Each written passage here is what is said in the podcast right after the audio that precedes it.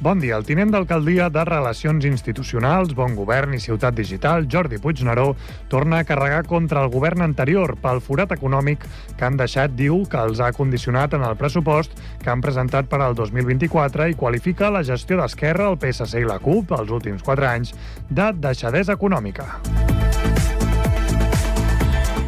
A l'espera que els tribunals dirimeixin el futur de l'edifici de l'escola La Mirada, l'AFA està pendent del mentrestant, un adverbi que permet a les famílies il·lustrar la provisionalitat que pateixen els alumnes del centre, així com els 8 anys que fa que estudien en mòduls. A dia d'avui, els afectats són 400 alumnes i l'AFA ha mogut fitxa enviant una carta a la consellera d'Educació, Anna Simó. Entre d'altres punts, les famílies lamenten que l'Ajuntament els proposi assumir els 80.000 euros del traspàs d'un local per disposar disposar d'una cuina, una petició que l'AFA considera injustificable. La campanya de Nadal és la més important a nivell comercial i representa el 30% de la facturació anual dels comerciants santcuatencs, una xifra que ha facilitat Sant Cuat Comerç a Cugat Mèdia, on expliquen que és molt important que per aquesta època de l'any la ciutat estigui ben il·luminada, perquè la llum hi fa molt. El Mercadona de la Rambla del Celler torna a obrir les portes aquest dilluns després de 5 mesos d'obres a l'edifici. L'establiment, que porta fora de servei des de l'1 de juliol, s'ha renovat de dalt a baix per adaptar-se al nou model de botiga sostenible. L'empresa valenciana ha reformat tota la planta superior de l'edifici, on fins fa poc hi havia comerços que han tancat, per poder ampliar el local. Aquesta reobertura coincideix amb el tancament definitiu aquest divendres del Mercadona, del carrer de Vall d'Oreix. El supermercat ha baixat la persiana, ja que no poden adaptar l'espai precisament al nou model de botiga eficient de Mercadona. El Gran Recapte torna un any més a Sant Cugat aquest divendres i dissabte 24 i 25 de novembre. Enguany, la iniciativa compta amb la participació de 19 supermercats i els diferents voluntaris repartits per tot el teixit comercial del municipi. L'esdeveniment permetrà tant la recollida física d'aliments com les donacions econòmiques a les caixes d'alguns supermercats. I precisament els Mossos d'Esquadra han entregat a Càritas 14 ampolles d'oli. La donació prové d'una actuació policial en què el cos va interceptar un vehicle amb aquestes ampolles procedents de furs a establiments. Els 14 litres d'oli estan valorats en uns 140 euros. Cugat Mèdia, la informació de referència a Sant Cugat.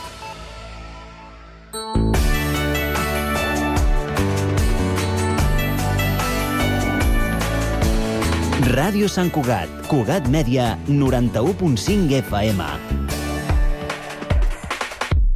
Hora Sant Cugat, a Cugat Mèdia.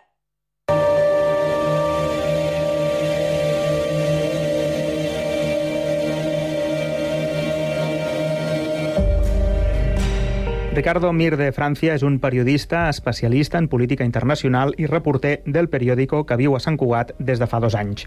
Originari de Castelló, es va llicenciar en periodisme a la Universitat Pompeu Fabra amb estudis de postgrau en dret internacional.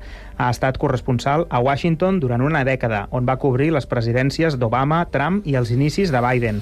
Abans havia estat sis anys a l'Orient Mitjà i més recentment s'ha ocupat de la guerra a Ucraïna i en les darreres setmanes del conflicte entre Israel i Hamas, on ha treballat sobre el terreny durant una vintena de dies. Tenim la sort avui de poder comptar amb la seva presència. Ricardo Mir de Francia, molt bon dia i benvingut al Cugat Media. Bon dia, moltes gràcies. Comencem pel, pel més recent. Fa poc que has tornat a Sant Cugat, després de tres setmanes a Israel, cobrint l'etern conflicte. Ara més cruel que mai. Com ha estat aquesta darrera experiència?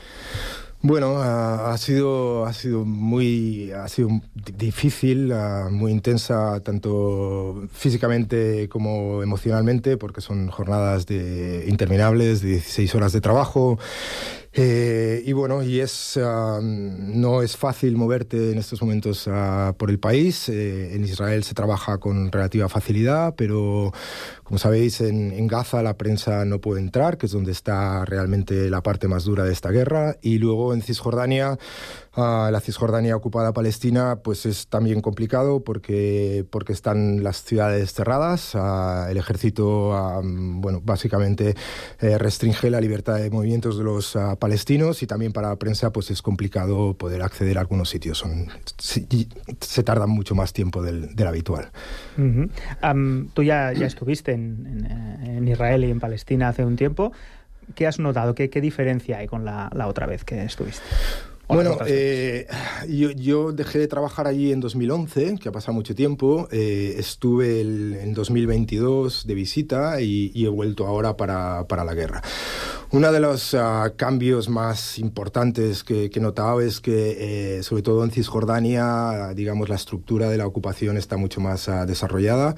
Eh, se han ampliado las carreteras, hay vallas por todas partes, uh, los asentamientos que antes, los asentamientos judíos um, ilegales, según la, la, la ley internacional, eh, pues que antes estaban en una fase incipiente, están ya muy desarrollados y te encuentras con auténticas ciudades sobre el territorio.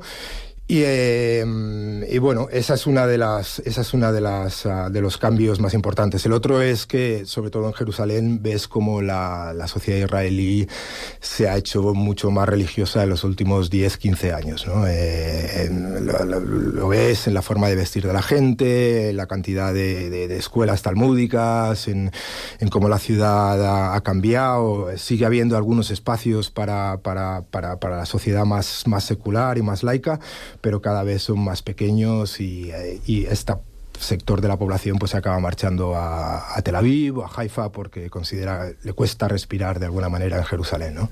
¿Y a qué lo atribuyes?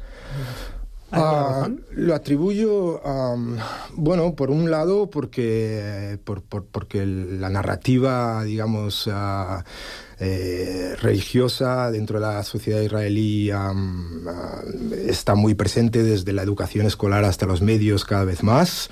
Uh, luego hay un factor y es eh, puramente demográfico y es que las, uh, las familias uh, más religiosas, en algunos casos ultraortodoxos, que son básicamente fundamentalistas religiosos, pues tienen muchos hijos, tienen siete, ocho, nueve hijos.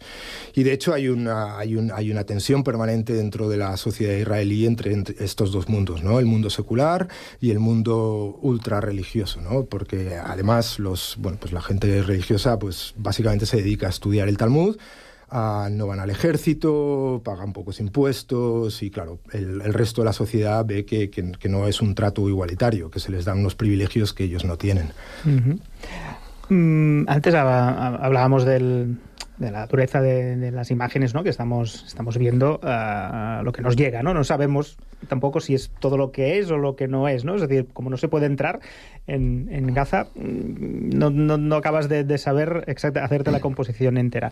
Pero en, en, los periodistas, uno, somos personas, pero somos periodistas, tenemos que intentar mantener la objetividad y, y explicar de la manera más objetiva uh, lo que pasa pero cuando vas a un sitio como este, ves lo que pasa, ves lo que está sufriendo, ves una venganza, no sé si mmm, exagerada sobre un primer hecho, ¿cuesta un poco explicar las cosas como son sin que te afecte personalmente o tiene que afectarte personalmente para explicarlo bien? Yo creo que, que, que, un poco te tiene que afectar, ¿no? Eh, porque, porque lo que está pasando no es normal, ni es uh, legal en muchas ocasiones, ni debería ser aceptable. Uh, de modo que un poco te tiene que afectar. Uh, también lo más complicado para mí de, de, cubrir este conflicto siempre ha sido controlar las emociones, no acabar escribiendo desde el estómago.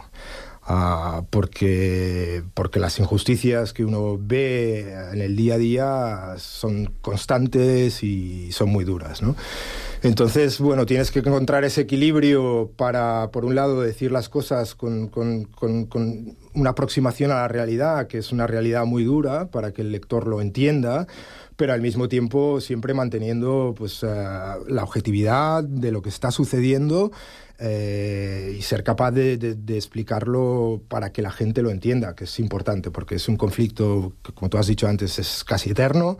Llevamos casi un siglo con esta historia eh, y la gente al final desconecta, y yo creo, a veces sin tener claro cuáles son los, los básicos de lo que está sucediendo. Uh -huh. Cada vez que hay un rebrote ¿no? de, de, este conflicto, ¿no? pues intenta explicar de dónde viene, etcétera, para las nuevas generaciones que igual todavía no se lo han, no se lo han contado pero sí que es cierto que parece que el mundo tenga que estar, posicionarse, ¿no? En, a un lado o, o, al otro, y incluso los medios de comunicación, y nos pasa aquí un medio local, mm. que intentamos explicar un poco, aquí cubrir unas manifestaciones que se hicieron aquí en San Cugat, una a favor de, de Palestina y otra a favor de Israel, y las dos culpando a los medios de mentir porque no contamos la verdad. Y digo, madre de Dios, ¿cómo lo tenemos que hacer los periodistas? Para los dos bandos sí. mentimos. Bueno, a ver, esto es, es un conflicto que um, donde todo el mundo tiene su opinión a estas alturas, aunque no sepa exactamente qué está pasando, ¿no? Es un poco el Barça-Madrid. Pues yo soy del uh -huh. Barça, yo soy del Madrid, por lo que sea, da igual. Um, es cierto también, yo creo que los medios, o parte de los medios, durante mucho tiempo no hemos hecho el mejor trabajo posible, en el sentido que, sobre todo hay algunos medios que tienden a buscar la equidistancia, es decir, dar el mismo peso y valor a las uh, afirmaciones y opiniones oficiales de un lado u otro, cuando yo creo que el trabajo de los periodistas debería consistir en explicar la realidad objetiva, en explicar las tendencias sobre el terreno y explicar lo que está pasando. Las opiniones o las versiones oficiales de uno y otro, mmm, bueno, pues en algunos momentos se tienen que dar, pero cuando esas versiones lo único que hacen es, uh, de alguna manera, nublar la realidad, intoxicar, uh, pues yo creo que no habría que darlas. Lo importante es contar lo que está pasando. Uh -huh. ¿Y, y, cómo, ¿Y cómo se hace eso cuando no te dejan entrar? Claro, eh, en esta guerra, como las anteriores, yo estuve, por ejemplo, en la guerra del 2008-2009, Uh, en aquella, guerra tampoco Israel dejó entrar a los periodistas. ¿no? Eh, cada vez más eh, todo lo que sucede en Gaza lo están contando los periodistas locales, que como sabes en esta guerra están pagando un precio altísimo, porque el ejército israelí se ha dedicado también a, mat a matar a los periodistas. Hay más de 50 periodistas muertos palestinos, eh, no solo los están matando a ellos, sino que están matando a sus familias enteras. 13, 30 miembros, 5 miembros, uh, está siendo algo, bueno, algo que no, que no, se ha visto antes en tan poco tiempo en un conflicto que se estén dedicando a matar a periodistas de forma deliberada. Eh, dicho esto, uh, es complicado cubrir una guerra como la, como la actual. Uh, es cierto también que, bueno, eh, parte del tiempo hemos podido comunicarnos con, con colegas, con, con fuentes, con, con, periodistas de Gaza que te ayudan a tener una visión un poco más cercana de lo que está ocurriendo sobre el terreno. Y eh, hay algunas uh, cadenas internacionales uh, que, que, bueno, que han estado ofreciendo imágenes de lo que está pasando dentro, ¿no? sobre todo Al Jazeera, que es la que más infraestructura tiene dentro de la franja de Gaza, pero, pero también algunas otras, ¿no? algunas agencias y medios internacionales. Uh -huh. En conflictos como, como este, eh, normalmente se tiende a pensar es quién saca rédito de todo esto, ¿no? ¿A quién le interesa más esta guerra o este conflicto? O que dure más o que dure menos un conflicto, uh, digamos, bélico como, como este. En tu primer artículo que escribiste de esta nueva etapa, uh, el pasado 9 de octubre, hablabas de um, fallos en cadena en la seguridad de Israel que dieron a pie al ataque de Hamas el 7 de octubre. Y en un momento en el que Netanyahu colgaba de un hilo. No sé si estabas... Hmm. ¿Qué, ¿Qué querías decir? Bueno,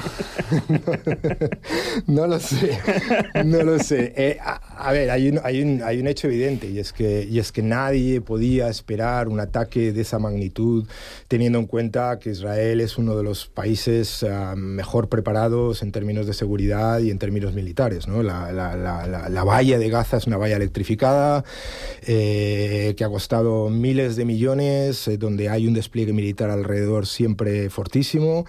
Eh, y, joder, de repente jamás fue capaz de hacer 20 agujeros en la valla de Gaza uh, sin que hubiera una reacción inmediata.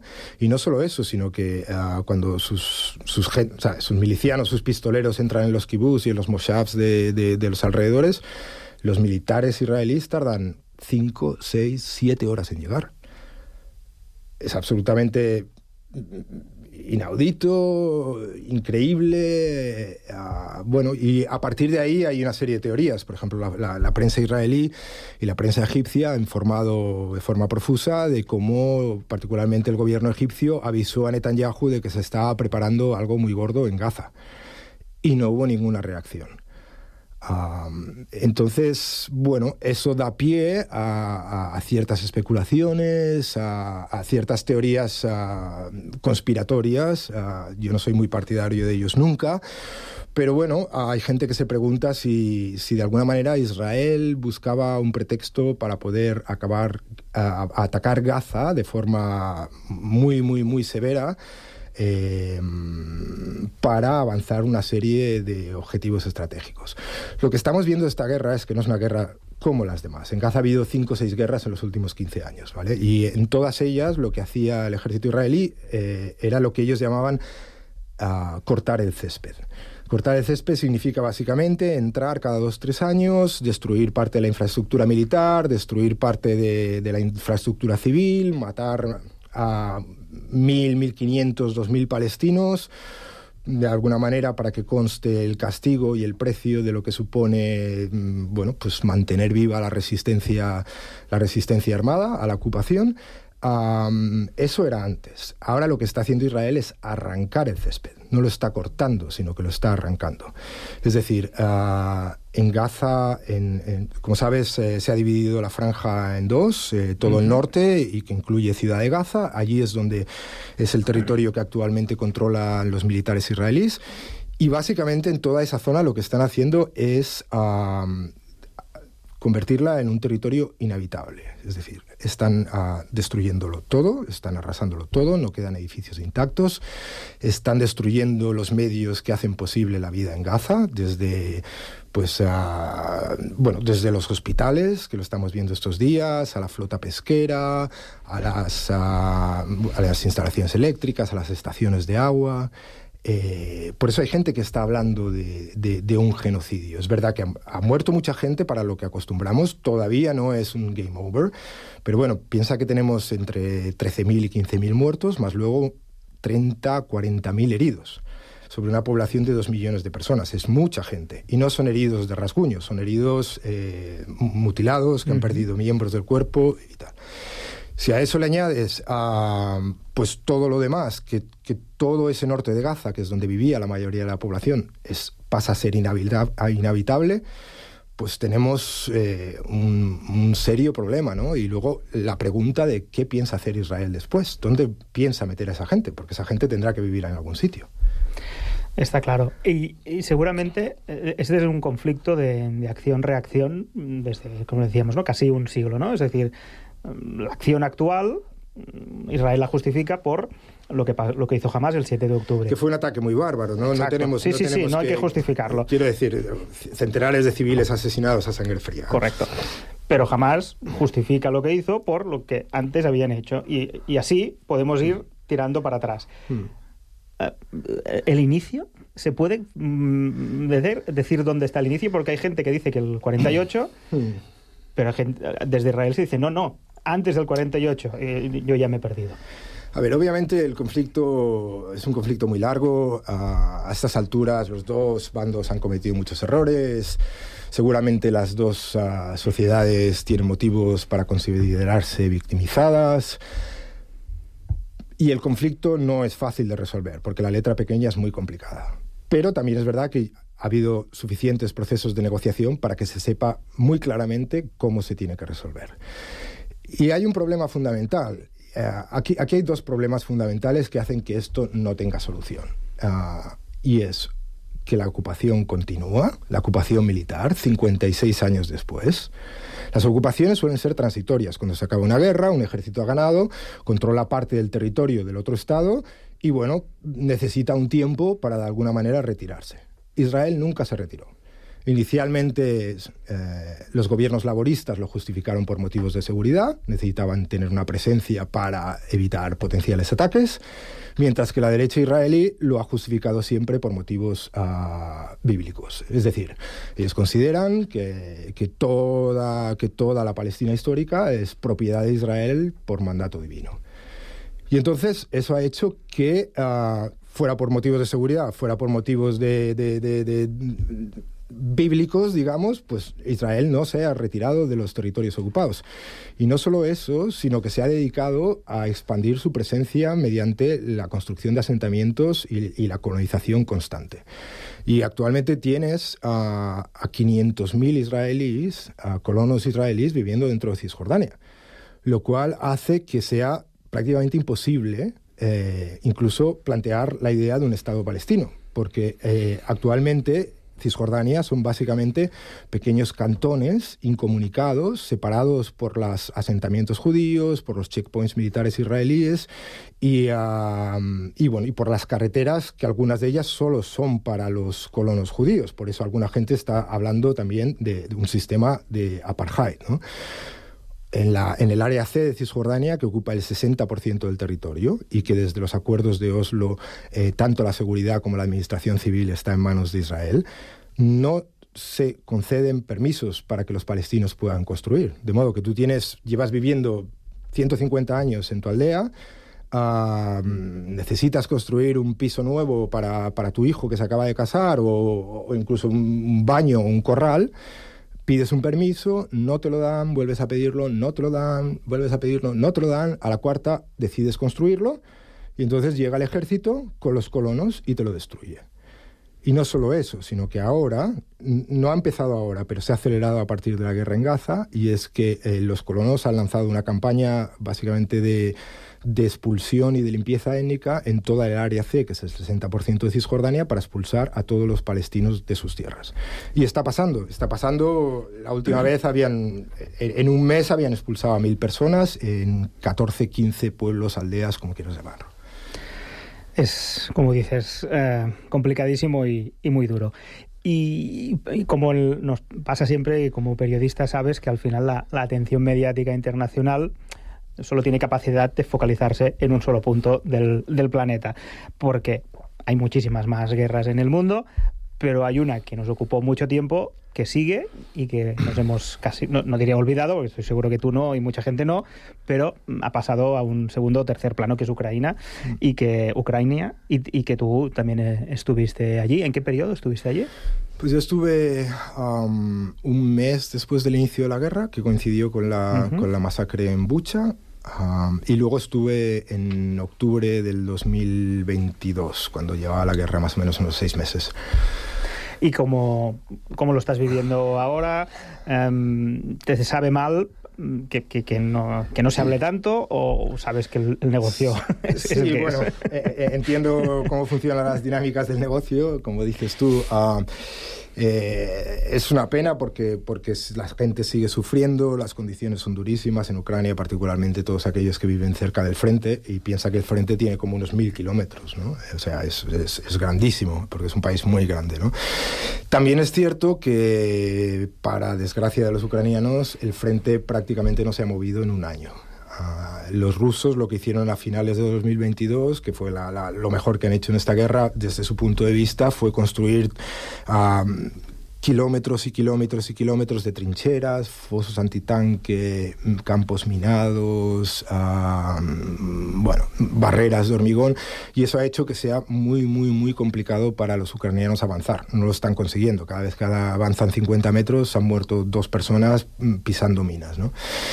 Y entonces, uh, bueno, pues el conflicto, mmm, si no pasa nada de envergadura pronto, va hacia un conflicto congelado. Eh, mi sensación es que en, en, unos cuantos meses no va a pasar mucho tiempo hasta que Europa y posiblemente Estados Unidos empiecen a pedir a los ucranianos que se sienten a negociar y arreglen de alguna manera tendrá que ser concesiones territoriales, que es algo que ellos no querían, ni, no querían plantear en ningún momento, lógicamente, porque estamos hablando de casi un 20% del territorio de Ucrania.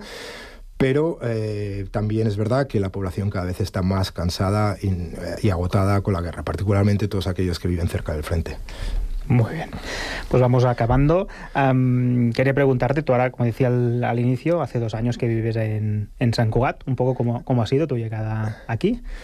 Bueno, eh, pues eh, después, de, después de los diez años en Estados Unidos, eh, el periódico me ofreció que volviera, bueno, que viniera a la redacción y y buscamos casa. Eh, yo había vivido en Barcelona, de alguna manera daba por amortizada esa experiencia y cuando descubrimos San Cugat, que casi no lo conocíamos, pues nos encantó a toda la familia. ¿no? Eh, nos gusta mucho el casco antiguo, las zonas verdes, los parques y bueno, la verdad es que estamos muy contentos y a gusto aquí. ¿De la vida qué te gusta más, la vida de corresponsal o de enviado especial? A mí me gusta más la de corresponsal. Eh, el enviado especial al final es un paracaidista. Eh, es verdad que llegas con ojos más frescos y eso ayuda eh, en ocasiones. Pero el corresponsal, bueno, pues tiene más tiempo para, para, para entender, para trabajar el país, ¿no? Muy bien. Por tanto, ¿no lo descartas volver? No. En absoluto. Muy bien. Doncs moltíssimes gràcies, Ricardo Mir de França, periodista, especialista en política internacional i reporter de, del periòdico. Moltíssimes gràcies per venir fins a Cugat Media. Muchas gracias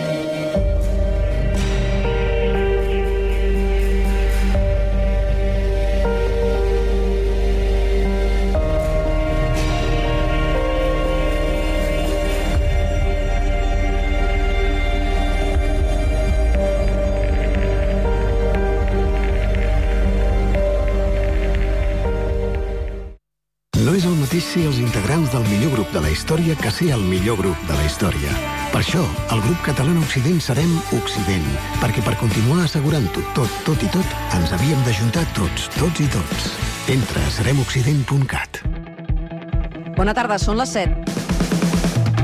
Més d'un centenar de tractors han mobilitzat bona part de la capital del Baix Ebre. Ho han fet... Els agents que estan relacionats d'una manera o altra amb l'espai litoral del Baix Empordà facin Els propostes... germans Trias i Pujol es fan unes 30 donacions diàries, tot i que l'hospital fa de l'ordre... L'última hora de l'actualitat més propera. Notícies en xarxa, edició vespre.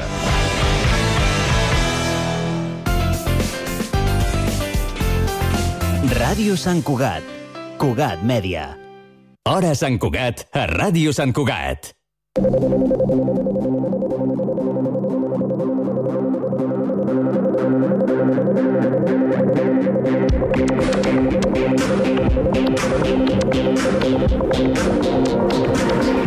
back. Thank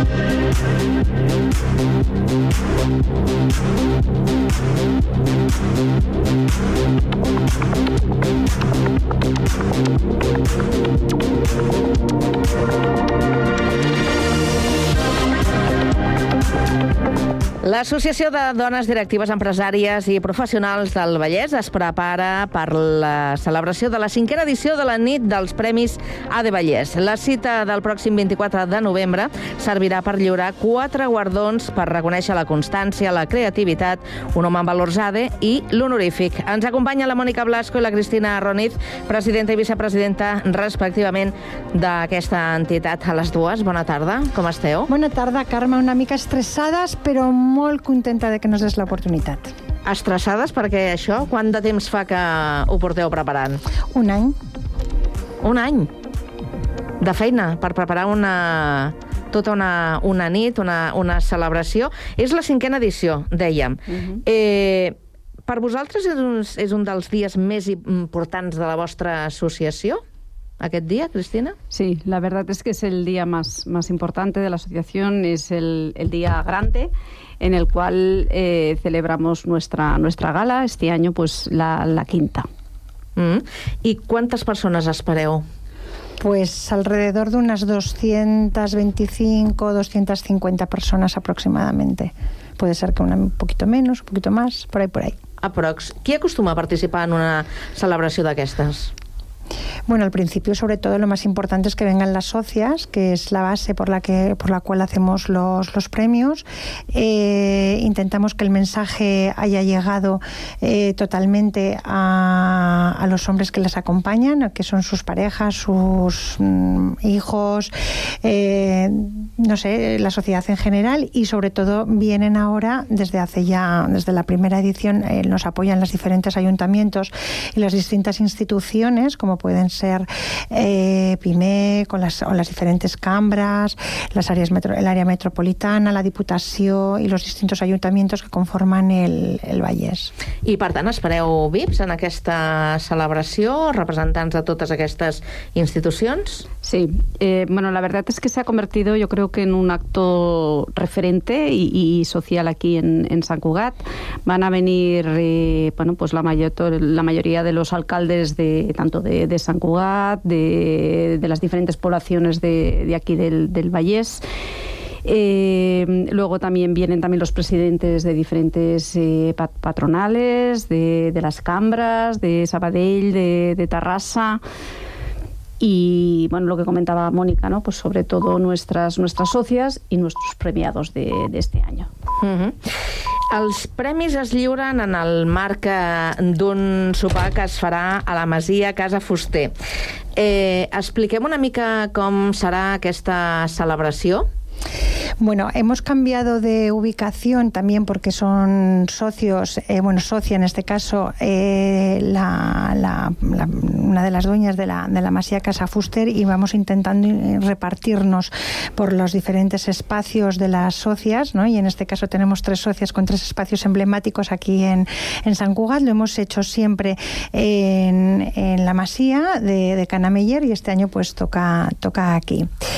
Y, y, bueno, lo que intentamos es hacer un acto festivo, algo, un, un evento, una cena de gala que, la, que, los invitados y las socias compartan, que haya un buen networking, que, que sea un ambiente, en un ambiente distendido. Es un viernes, con lo cual ya es un viernes que ya hemos acabado la semana, al día siguiente no tenemos que, que trabajar.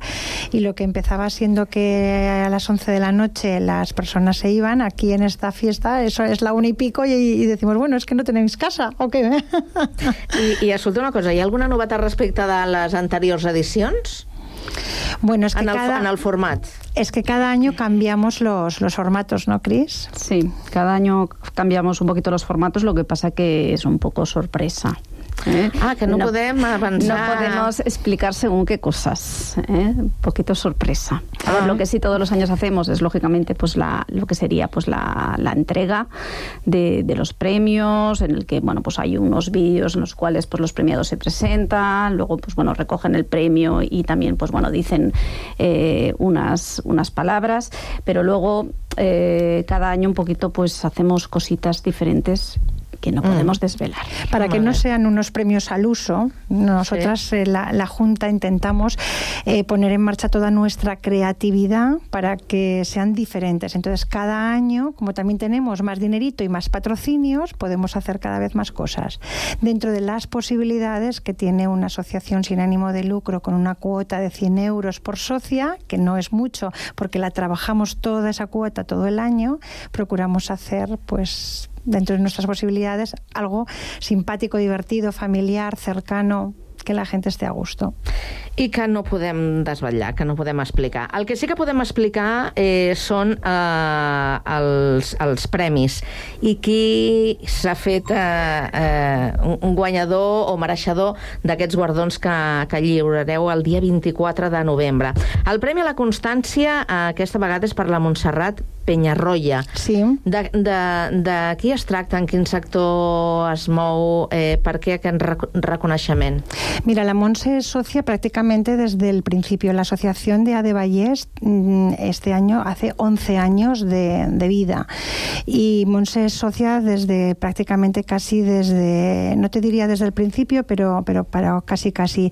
Ella, se, ella es una, una mujer que, que sobre todo se traba, trabaja lo que son todo el tema de negocios digitales y la transformación digital. Ella es graduada en turismo, que tiene un posgrado en comercio exterior y en marketing internacional y actualmente es la directora de su propia empresa, que es Cuadran Alfa, que es una empresa de consultoría que está especializada en la digitalización de negocios y de marketing y es mentora en startups eh, y es socia fundadora también de empresas de como, es la de comercio digital y, luego es ah, colabora con la agencia catalana de, de turismo. O sea que la verdad es que es una mujer absolutamente extraordinaria.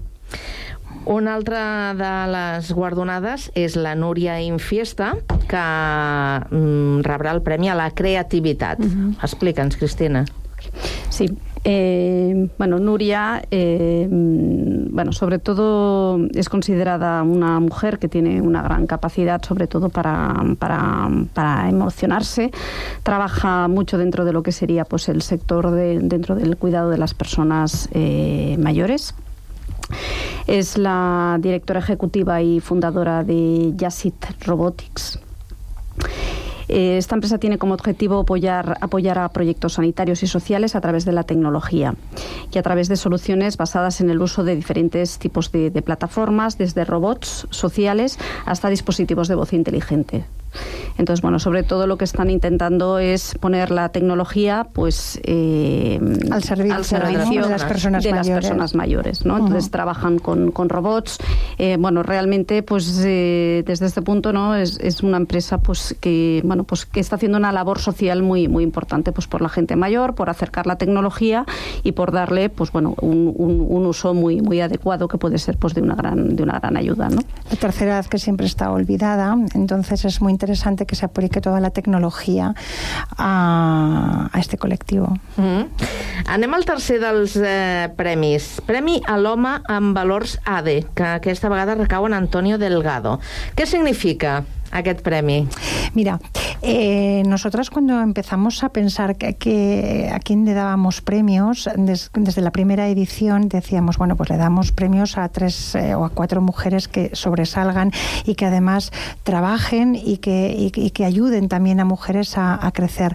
Pero ¿qué podemos hacer sin ese otro 50% que es nuestro, nuestros partners? ¿no? Entonces había que integrar en estos premios un hombre con los valores ADE. Los valores ADE Mm, no significa que un hombre que dirija o que codirija o que esté dentro de una institución deje salir media hora antes a una mujer o que le dé tres días de fiesta para que cuida al niño. No va de eso.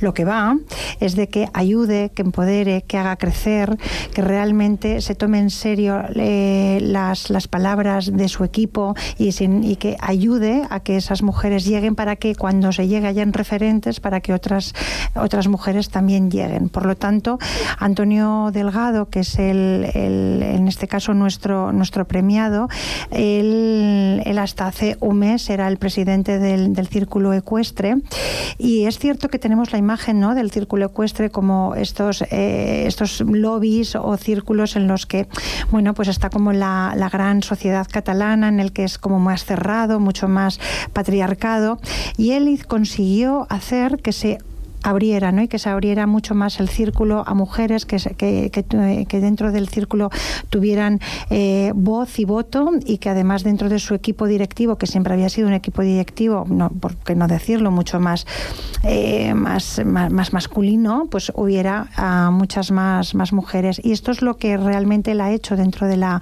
dentro de la organización, abrirlo mucho más al mundo, a que se conozca este, este lobby dentro de la sociedad catalana. Aparte, él es mm, abogado y especialista en Derecho Mercantil y profesor en, en ESADE, secretario general y director de los servicios jurídicos también de, de ESADE.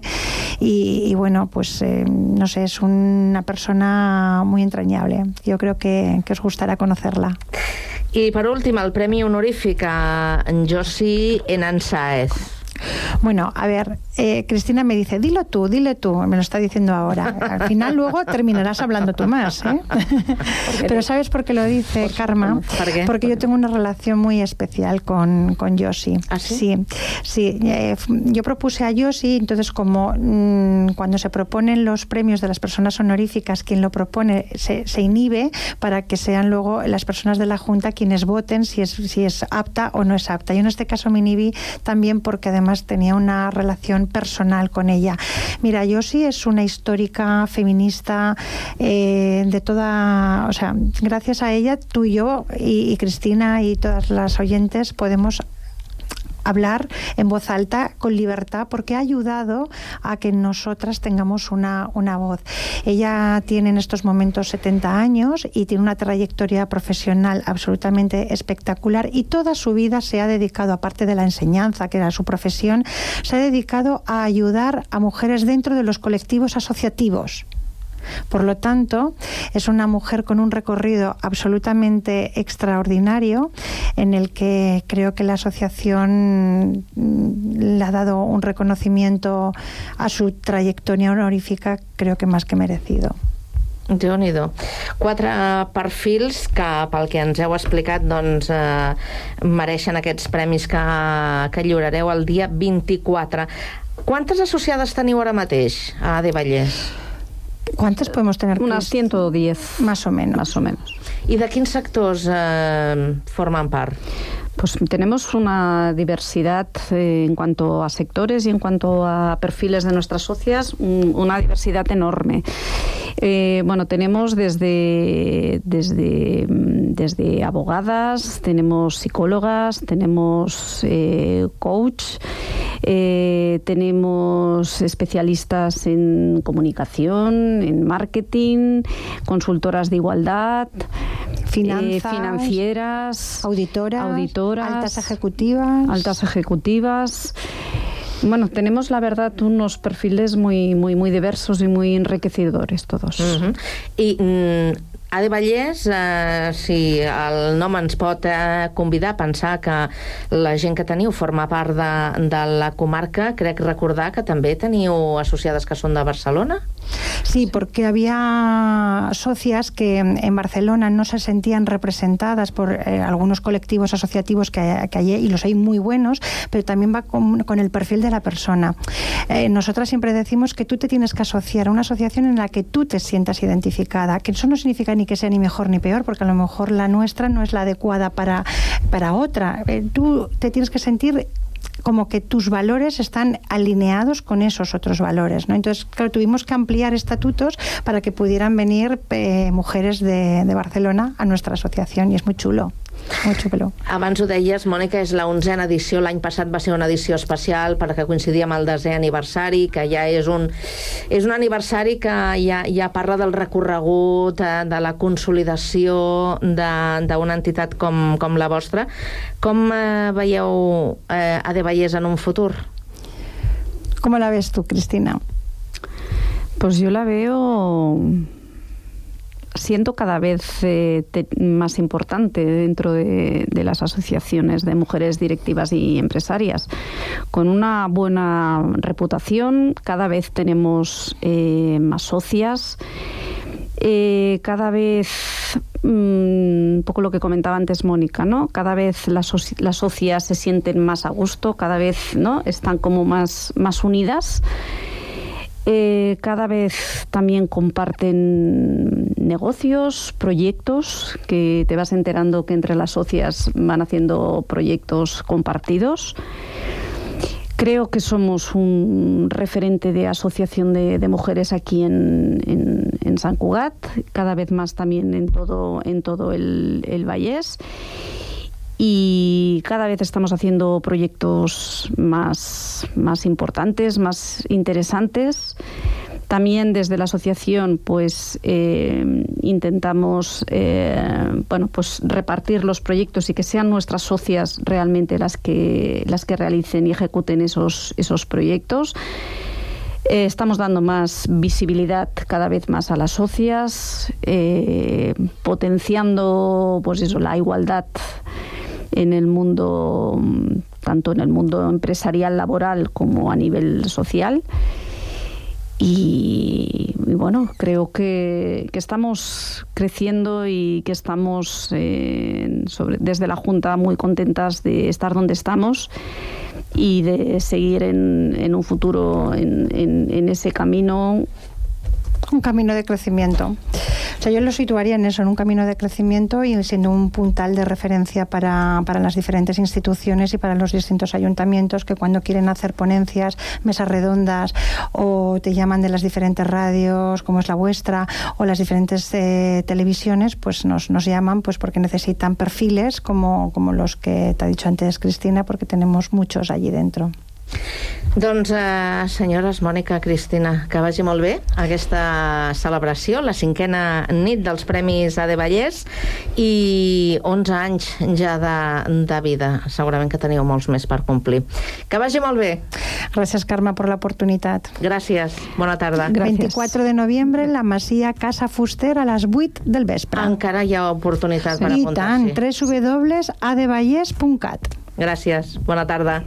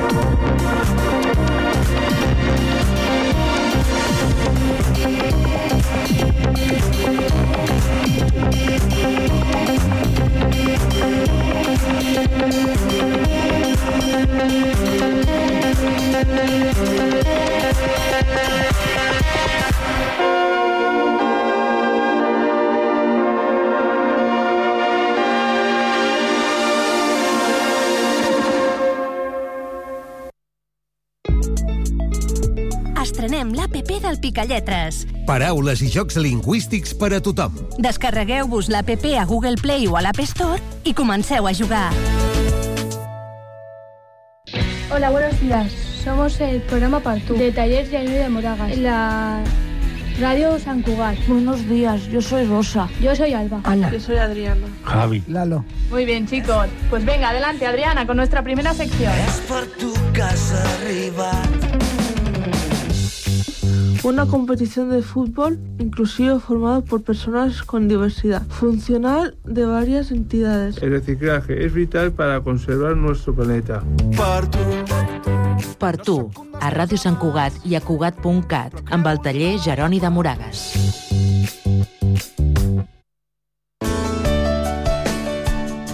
Ràdio Sant Cugat. 91.5 FM. Hora Sant Cugat, a Ràdio Sant Cugat. Continguts en xarxa.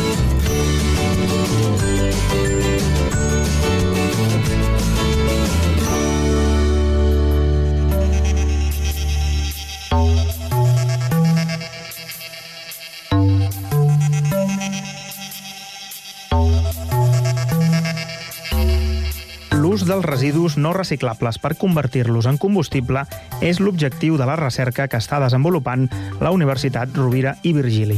Aquesta Universitat de Tarragona participa en el projecte VAL 2H2, coordinat per l'empresa Soriguer, que té l'objectiu de desenvolupar tecnologies que permetin l'aprofitament de residus de difícil gestió en forma d'hidrogen renovable. En parlem amb Francisco Medina, investigador catedràtic del Departament d'Enginyeria Química de la URB i director del Centre Tecnio Amic, aplicacions mediambientals i industrials de la catàlisi. Benvingut. Molt bé, gràcies. Uh, quin, quins tipus de residus es poden transformar en combustible? Bé, en general, eh, qualsevol tipus de residus, evidentment residus que no siguin eh, reutilitzables, sinó que ja han arribat a la seva vida final, com poden ser restos de, de poda, per exemple, de fusta, biomassa, neteja de boscos, tota la fusta i, i, i branques de neteges de, de, de boscos poden ser reutilitzar i transformar-los en diferents tipus de processos en hidrogen i també residus urbans, el residu típic de, de matèria orgànica que, que s'envia a a la, a la brossa, no? I que després, pues, evidentment, pues, va als abocadors. Aquest tipus de residu també té material que és interessant per poder fer transformar en hidrogen. I qualsevol altre tipus de residus, també, per exemple, residus plàstics, també es poden utilitzar i també transformar-se finalment en, en hidrogen. Molt. Aquests són els residus que bàsicament estem, eh, estem tractant en, en aquest tipus de projecte que va sobre la transformació d'aquest tipus de residus a la transformació de- d'hidrogen verd. Uh -huh. Quin, ara li preguntaré per quin és el procés, diríem, que, per, que, que passa diríem, aquest, aquest residu fins a ser hidrogen, però per la gent que no ho sàpiga, quin ús se'n fa de, de l'hidrogen, és a dir, en tant que combustible, eh? és a dir, en quins usos es podrien fer servir, o es poden fer servir?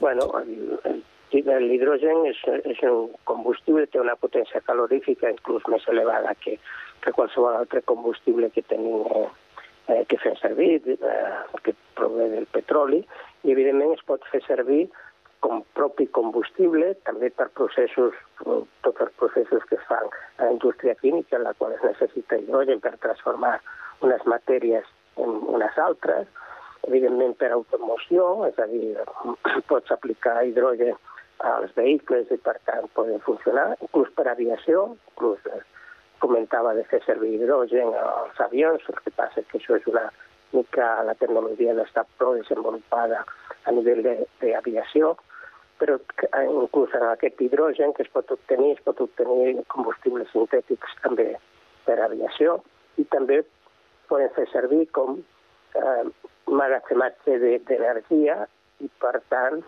transformar en altres substàncies, eh, per exemple, amoníac, metanol, etc etc.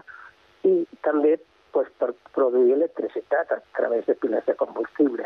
Per tant, té una gran utilitat perquè l'hidrogen té aquestes substàncies que, que es fan servir moltíssim en tots els processos químics i petroquímics, no? i en química fina, etc etc. No? Per tant, en comptes de fer utilitzar un hidrogen que ve de, del petroli, que actualment bàsicament ve de, del reformat del gas natural, obtenir un hidrogen que ve de, dels residus. No? Uh -huh, perfecte. Doncs en aquest punt entenc que estan ara en fase no, d'investigació o de desenvolupament d'aquesta tecnologia, sense entrar en detalls excessivament tècnics, um, quin seria el procés per passar d'això, eh, d'aquest tipus de residus que explicava abans, cap a, uh, a un hidrogen verd?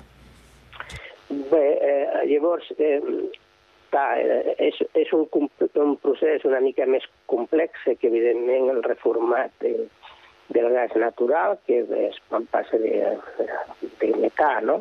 Doncs fas un procés de, de tractament amb aigua a, a molt alta temperatura, que es diu reformat, i aquí s'obté a partir d'aquí s'obté el, el hidrogen. Aquí és un procés, evidentment, com ve de residus eh, naturals, eh, pues, que conté una gran quantitat, evidentment, d'altres substàncies, impropis i tot. Primer pues, hi ha un procés de separació, agafar la matèria orgànica, per exemple, la fusta, que té diferents tipus de components, lignina, cel·lulosa, cel·lulosa, etc etc. i fer un tractament que és hidrolitzar, eh? un tractament catalític que permet hidrolitzar i tots aquests polímers obtenir monòmers, sobretot sucres, eh? Eh, la, la sacarosa, la xilosa, i aquest sucre després vindria un procés fermentatiu en el qual a part- a partir d'aquesta sucre s'obté etanol eh? i a partir de l'etanol fer el reformat d'aquest etanol per produir l'hidrogen. I aquest seria, per així, el cicle que necessita per transformar aquests residus en, en hidrogen. No? Molt bé, perfecte. Aquest, eh, aquesta tecnologia entenc que ara estan en fase d'investigació, no? És a dir, en quin punt es troben exactament perquè això pugui mm, algun dia ser, ser una realitat? Bé, eh, eh, o sigui, eh, les, les diferents eh, processos que t'he comentat abans, pues, evidentment estan alguns processos en, des del punt de vista de recerca a nivell de laboratori, però hi ha amb, amb, amb un nivell, per dir-ho així, el que nosaltres diem IPRL, ja elevat, i el que volem és en aquest, en aquest projecte fer un, un pilotatge de tots aquests processos per, evidentment, si el pilotatge funciona de, de la forma adequada, doncs ja se podria escalar fàcilment a, a nivell industrial. Hi ha, hi ha algun d'aquests processos, per dir-ho així, que estan eh, més contrastats, per exemple, l'últim de tot, que és el reformat, per tant, allà no hi ha cap problema des del punt de, del punt de vista de, de fer aquest reformat, la tecnologia és, està ben contrastada, perquè comentava abans que eh, l'hidrogen s'obté a través del, del reformat, no? per tant, això no, però els altres processos de separació de les diferents fraccions de, de la biomassa, transformació d'aquesta biomassa en, en sucres i després la fermentació és el que estem desenvolupant més a nivell de laboratori. No?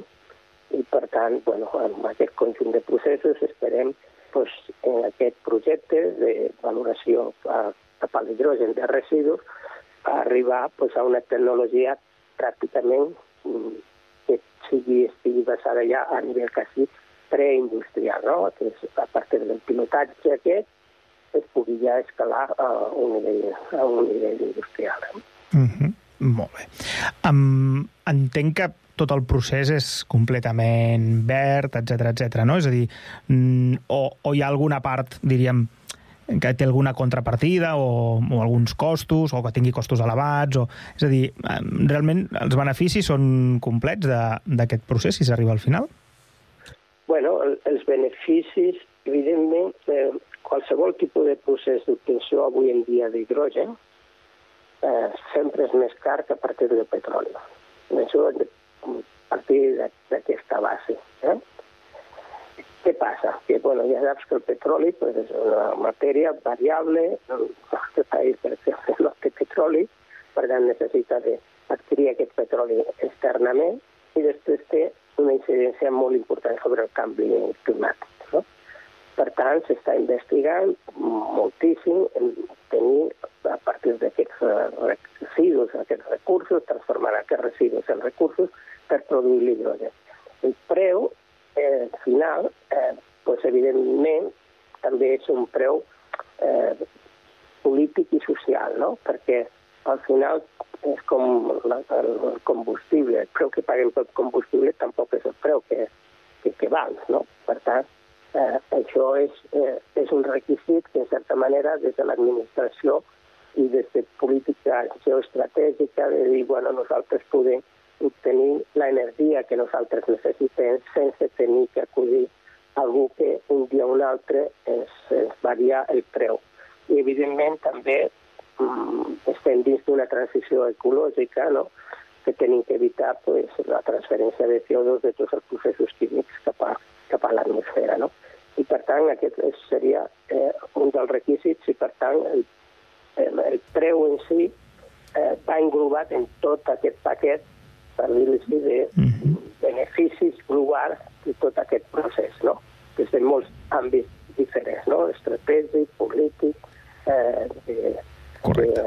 de, procés així de, que sigui sostenible, etc etc. És a dir, eh, buscar uns recursos que nosaltres sí que disposem i que podem aplicar aquests recursos per obtenir eh, matèria prima, perquè no inclús és hidrogen, pots obtenir una gran quantitat d'altres tipus de molècules molt interessants per a la indústria química que poden venir precisament d'aquests residus.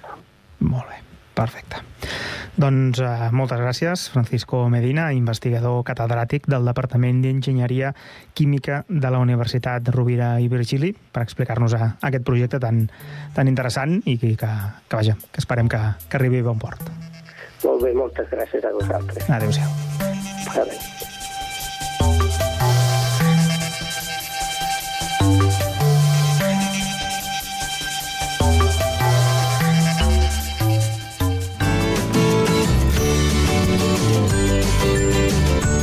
Continguts en xarxa.